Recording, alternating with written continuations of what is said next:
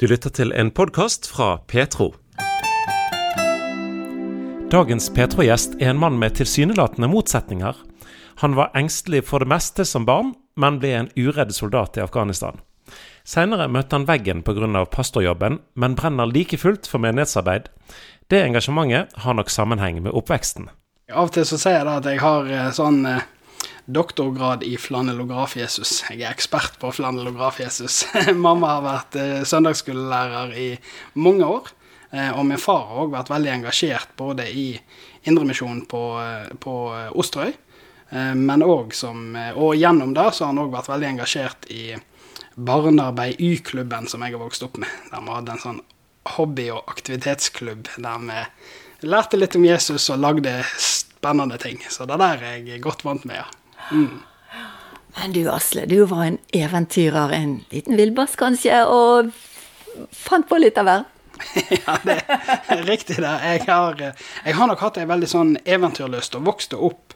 Eh, på mange måter så, så kunne jeg disse historiene om Jesus, og jeg hadde hørt veldig mye om de her greiene, men, men noe av dette livet i Gud, eh, det hadde ikke jeg fått tak i. Sånn at for meg ble det mange fine historier, men etter hvert som ungdomstida liksom kom til, og, eh, og, alle andre forskjellige alternativer, både med alkohol og festing og sånne ting, kom på banen, så merker jeg jo at min etterfølgelse av Jesus, eller troen, ble jo mer og mer prøvd.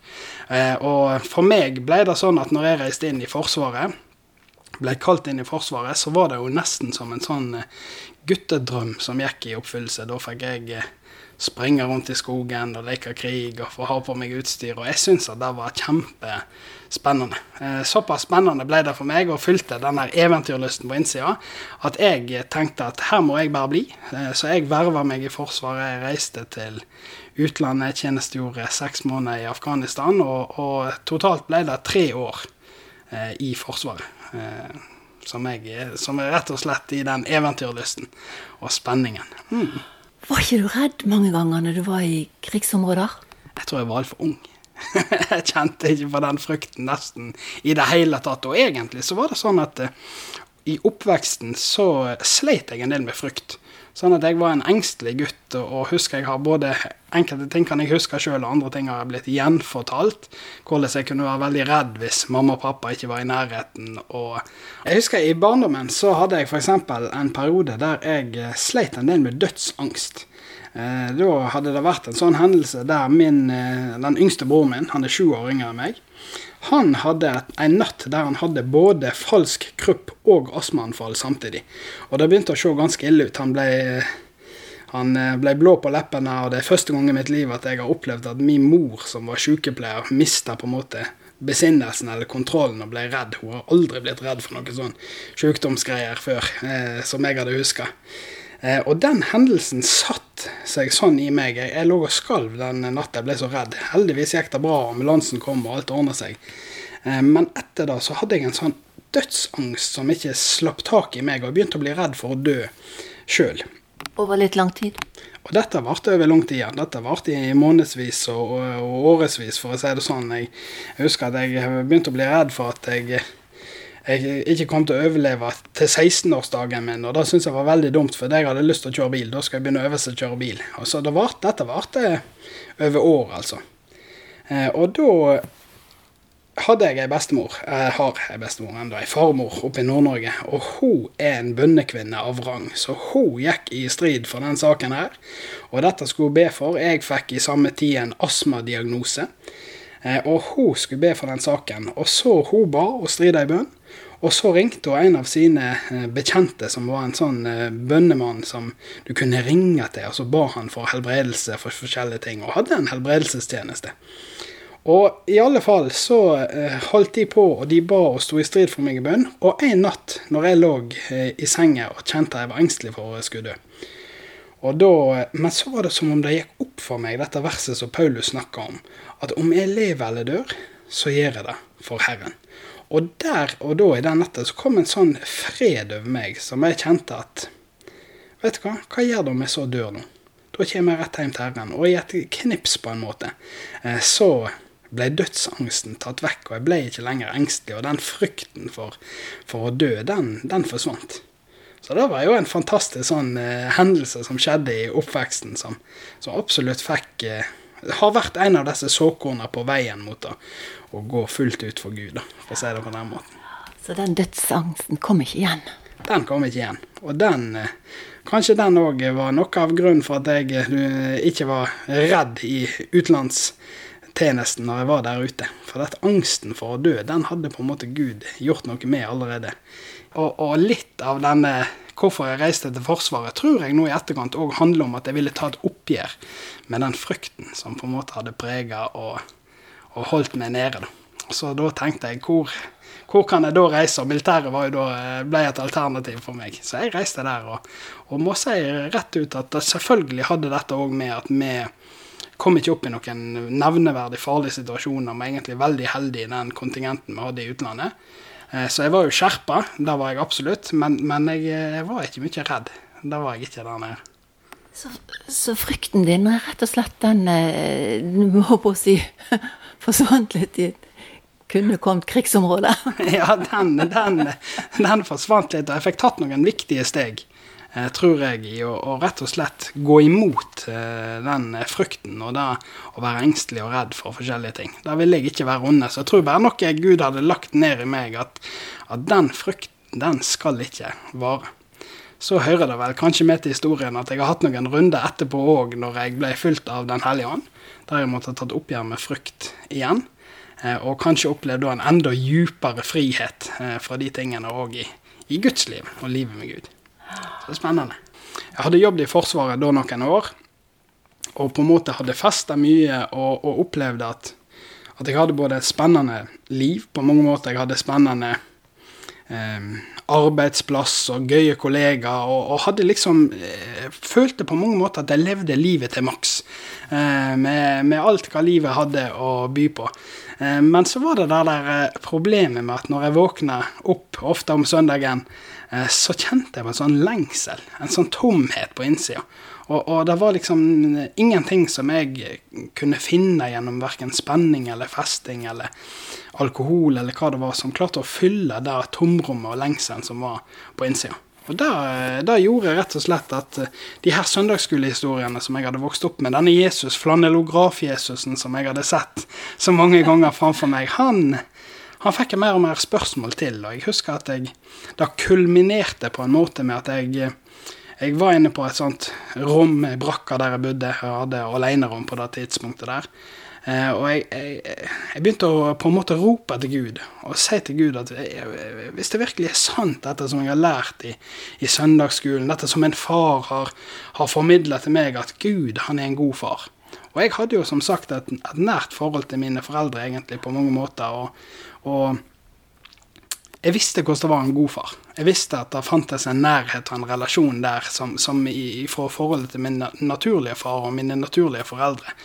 Så den tanken om at Gud bare skulle da sitte på ei sky en eller annen plass og være langt vekke, der fikk jeg ikke til å gå opp med å være en god far. Så jeg begynte å spørre Gud er det virkelig sånn at du er en god far, så må det gå an å erfare noe mer enn, enn det jeg erfarer i kristenlivet nå. Så der begynte vandringen. Og så etter hvert så ble det såpass eh, sterkt, kanskje, kan man si, at du på en måte slo opp med Forsvaret, nesten. om Man kan si det sånn. det kan du si. Det ble sånn at den indre kampen ble til slutt så stor at jeg følte nå må jeg ta et valg. Og, og, jeg opplevde at egentlig Gud stilte meg på valg. Nå kan du velge enten å fortsette karrieren, gå på krigsskolen og, gå forsvarslivet fullt ut, eller så eh, kan du komme og satse på meg. Og da opplevde jeg at at Gud hadde noe annet for meg enn den jobben og den karrieren jeg hadde liksom lagt opp til da. Så da slutta jeg i Forsvaret, reiste tilbake til Bergen, eh, tenkte jeg skulle bli psykolog. Det gikk kjempedårlig. Eh, det, var, det, gikk ikke noe bra i det hele tatt. Så etter hvert kom jeg inn på en bibelskole. Og det året på bibelskole, det gjorde virkelig noe med meg. Da fikk jeg møte den levende Jesus. Og jeg hadde egentlig gitt opp livet. Jeg hadde sagt til Gud dette er siste mulighet, ett år til nå. Og hvis ikke det, det blir noe gjennombrudd, for å si det sånn, da får vi finne på noe annet. Men da kom Gud virkelig og møtte meg. Jeg ga på en måte opp og sa nå får du bare gjøre sånn som du vil neste året, og så får vi se. Og Gud møtte virkelig den bønnen, og møtte meg på en sterk måte. Så det var herlig. Så da ble livet ditt helt forandret, rett og slett? For du hadde jo gitt, sagt at, eh, at du skulle gi han 100 det året, og at han måtte sette på bånn gass hvis han skulle i det hele tatt få tak i deg. ja, det er riktig. Jeg har, jeg har kanskje tenkt at uh, jeg, jeg, må ha vært, og kanskje jeg litt enda en litt ekstrem type av og til, men jeg sa det til Gud at, at nå, nå, er jeg ett år, da er det 100 Jeg, jeg legger meg ned, jeg, jeg gir opp, helt på seg sjøl. Uh, men da trenger jeg virkelig at, at du møter meg. da. Og jeg har ikke noen annen forklaring enn at det gjorde han virkelig, altså. Han møtte meg, og livet ble aldri det samme etter det. jeg jeg oppleve at den guden som hang på flanellografbildene, han var i høyeste grad levende. Han hang ikke bare på flanellografen og ga gode illustrasjonsfortellinger. Han, Jesus lever. Det var egentlig det jeg fikk erfare. Han er brennende opptatt av å møte oss mennesker og har ei utstrakt hånd for oss. Og når vi søker han, akkurat som står i Bibelen, den som søker han av hele sitt hjerte, skal finne han. Og der fikk jeg oppleve at sånn, sånn er det. Så Guds ord og alt bare ble levende, og mm. alt, altså du bare møtte den levende Jesus? ja, jeg, jeg, opplever det sånn. Jeg har òg sagt det der at, at jeg er utrolig glad for at jeg fikk vokse opp i en heim der jeg fikk lære om Guds ord. Lære de her forskjellige fortellingene. Jeg fikk egentlig sådd inn utrolig mye sannheter fra Guds ord gjennom min oppvekst. Og, og og selv om jeg da hadde ei ungdomstid og, og, liksom tid i begynnelsen av 20-årene der jeg levde vekk fra Gud, og, og, kanskje ytre sett så ut som jeg var i ferd med å gå vekk fra Jesus, eh, så når jeg da ble fulgt av Den hellige ånd, som vil si, og fikk et møte og en fornyelse i mitt eh, kristenliv, så kom de her historiene i live igjen på en helt annen måte. Jeg opplevde at det som var sådd, begynte å spire og gro, og, og en fikk høste av det. Så etter hvert da, Asle, så kom du med i mye menighetsarbeid og sto på for å nå flere for Jesus. Det er helt riktig at etter da bibelskoleåret der, så tenkte jeg at dette er jo det er dette det handler om. Og det tenker jeg jo for så vidt fremdeles. Eh, sånn at jeg engasjerte meg i menighet. Jeg ble etter hvert ansatt i menigheten i Bergen, jobbet ut ifra den. Eh, gjorde, var engasjert på bibelskole, og vi hadde mye både gateevangelisering, reiste rundt til menigheter forskjellige plasser i Norge for å spre rett og slett evangeliet om den levende Jesus. Eh, og det er ei fantastisk rik eh, og spennende tid, som jeg tror har vært eh, virkelig avgjørende òg for, for de valgene jeg nå har tatt, og der jeg står som pastor ute på bygda på på Frekkhaug og, og, har kommet ut på landet og blitt småbruker, men, men fremdeles virkelig har dette hjertet og denne lengselen og brannen for at mennesker skal få møte den levende Jesus, han som kan forvandle våre liv fra innsida og ut. Men du Asle, du fikk ikke bare et, et, et nytt liv med Jesus, du fikk et nytt liv med du fant en kone på bibelskole òg. Takk og lov og pris, det er helt riktig. Jeg fant en kone. En dag sto jeg der med kaffeautomaten i begynnelsen. Og eh, når jeg hadde gått bibelskoleåret ferdig, eh, så måtte jeg da invitere ut Linn. Hun heter da Linn Sunderdvik på det tidspunktet. Eh, på en eh, kajakkpadletur eh, utafor Osterøy, eh, der som jeg har vokst opp. Eh, og det, gikk veldig bra. Så eh, nå er vi da gift. Jeg har faktisk ti års bryllupsdag nå til sommeren. 2. juli. Så det er veldig kjekt. Har fått tre barn, ja. Eh, så eldste er jo nå blir åtte nå i sommer. Og, det, og yngste blir da to. Så har vi ei mølla der som er, skal begynne i skolen nå til høsten. Så det er rikt. Det er herlig. Det ble full pakke, det der. Både Jesus og kone og barn og familie og hele. Kjempegøy. Så kom det en periode at uh, du ble litt utbrent. Ja, det, det er òg helt riktig at uh, jeg hadde liksom en sånn periode der jeg, Da tror jeg jeg hadde vært i tjeneste kanskje sånn seks-sju år. Eh, det var i hvert fall i 2017 jeg ble utbrent. Og eh, da var det rett og slett sånn at jeg opplevde noe som jeg aldri hadde opplevd før. At kroppen på en måte slutta å fungere. At, at, ting som var naturlige, vanlige ting, klarte ikke jeg å gjøre. Jeg opplevde at jeg um, At det ringte på døra og, og det var for vanskelig for meg å, å, gå og åpne opp den døren. Og det var en forferdelig ydmykende følelse. Og jeg skjønte jo da virkelig ja, Da hadde jeg jo selvfølgelig i forkant kjent at uh, det er noe som ikke er helt rett. Men da skjønte jeg at her er det noe som er riv ruskende galt.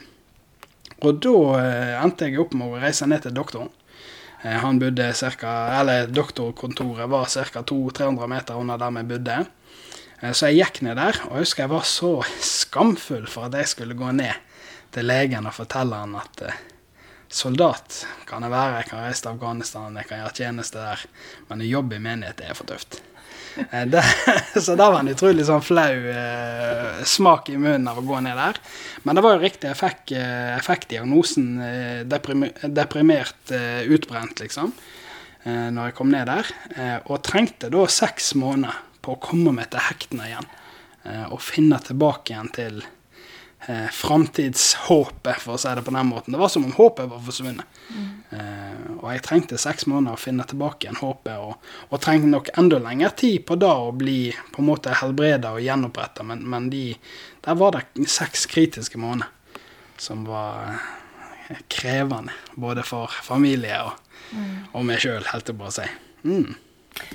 Hva tror du som gjorde at du, at du ble så utbrent, eller uttappet, om man skal bruke det ordet? Mm. Jeg tror at eh, hvis du skal svare enkelt på det, så tror jeg at mangel på visdom eh, var sentralt i det. Eh, den ungdommelige iveren, og kanskje litt òg den, den, soldatmentaliteten som, som, på en måte sier at ja, men her er det bare å kjøre på. Det er bare å gå hardt til verks. Og hvis ikke det går, hvis ikke du lykkes, hvis ikke du ser de gjennombruddene og de målene du vil se, så er svaret å jobbe hardere. Engasjer deg sterkere. Og på et eller annet vis så tror jeg at for min del eh, så levde jeg til slutt så mye for den visjonen som finnes der framme, om at en dag da skal det bli veldig bra. En dag skal det bli vekkelse. En dag skal virkelig de tingene som jeg lengter om i dag, skje. Eh, og som jeg tror jo kan ha veldig mye for seg. Men for meg ble det sånn at fordi jeg levde for den visjonen eller den lengselen, drømmen som lå der framme, så gikk jeg på kompromiss på livet jeg lever nå. Så jeg tok ikke vare på meg sjøl sånn som jeg burde. Jeg var ikke bevisst på, på tempoet, eh, på behovet for hvile, behovet for avkobling, behovet for, kall det, sjelepleie, eh, som jeg hadde trengt å vært. Eh, og fikk meg da et møte med veggen som ble en veldig sånn eh, realitetsvekker for meg. da.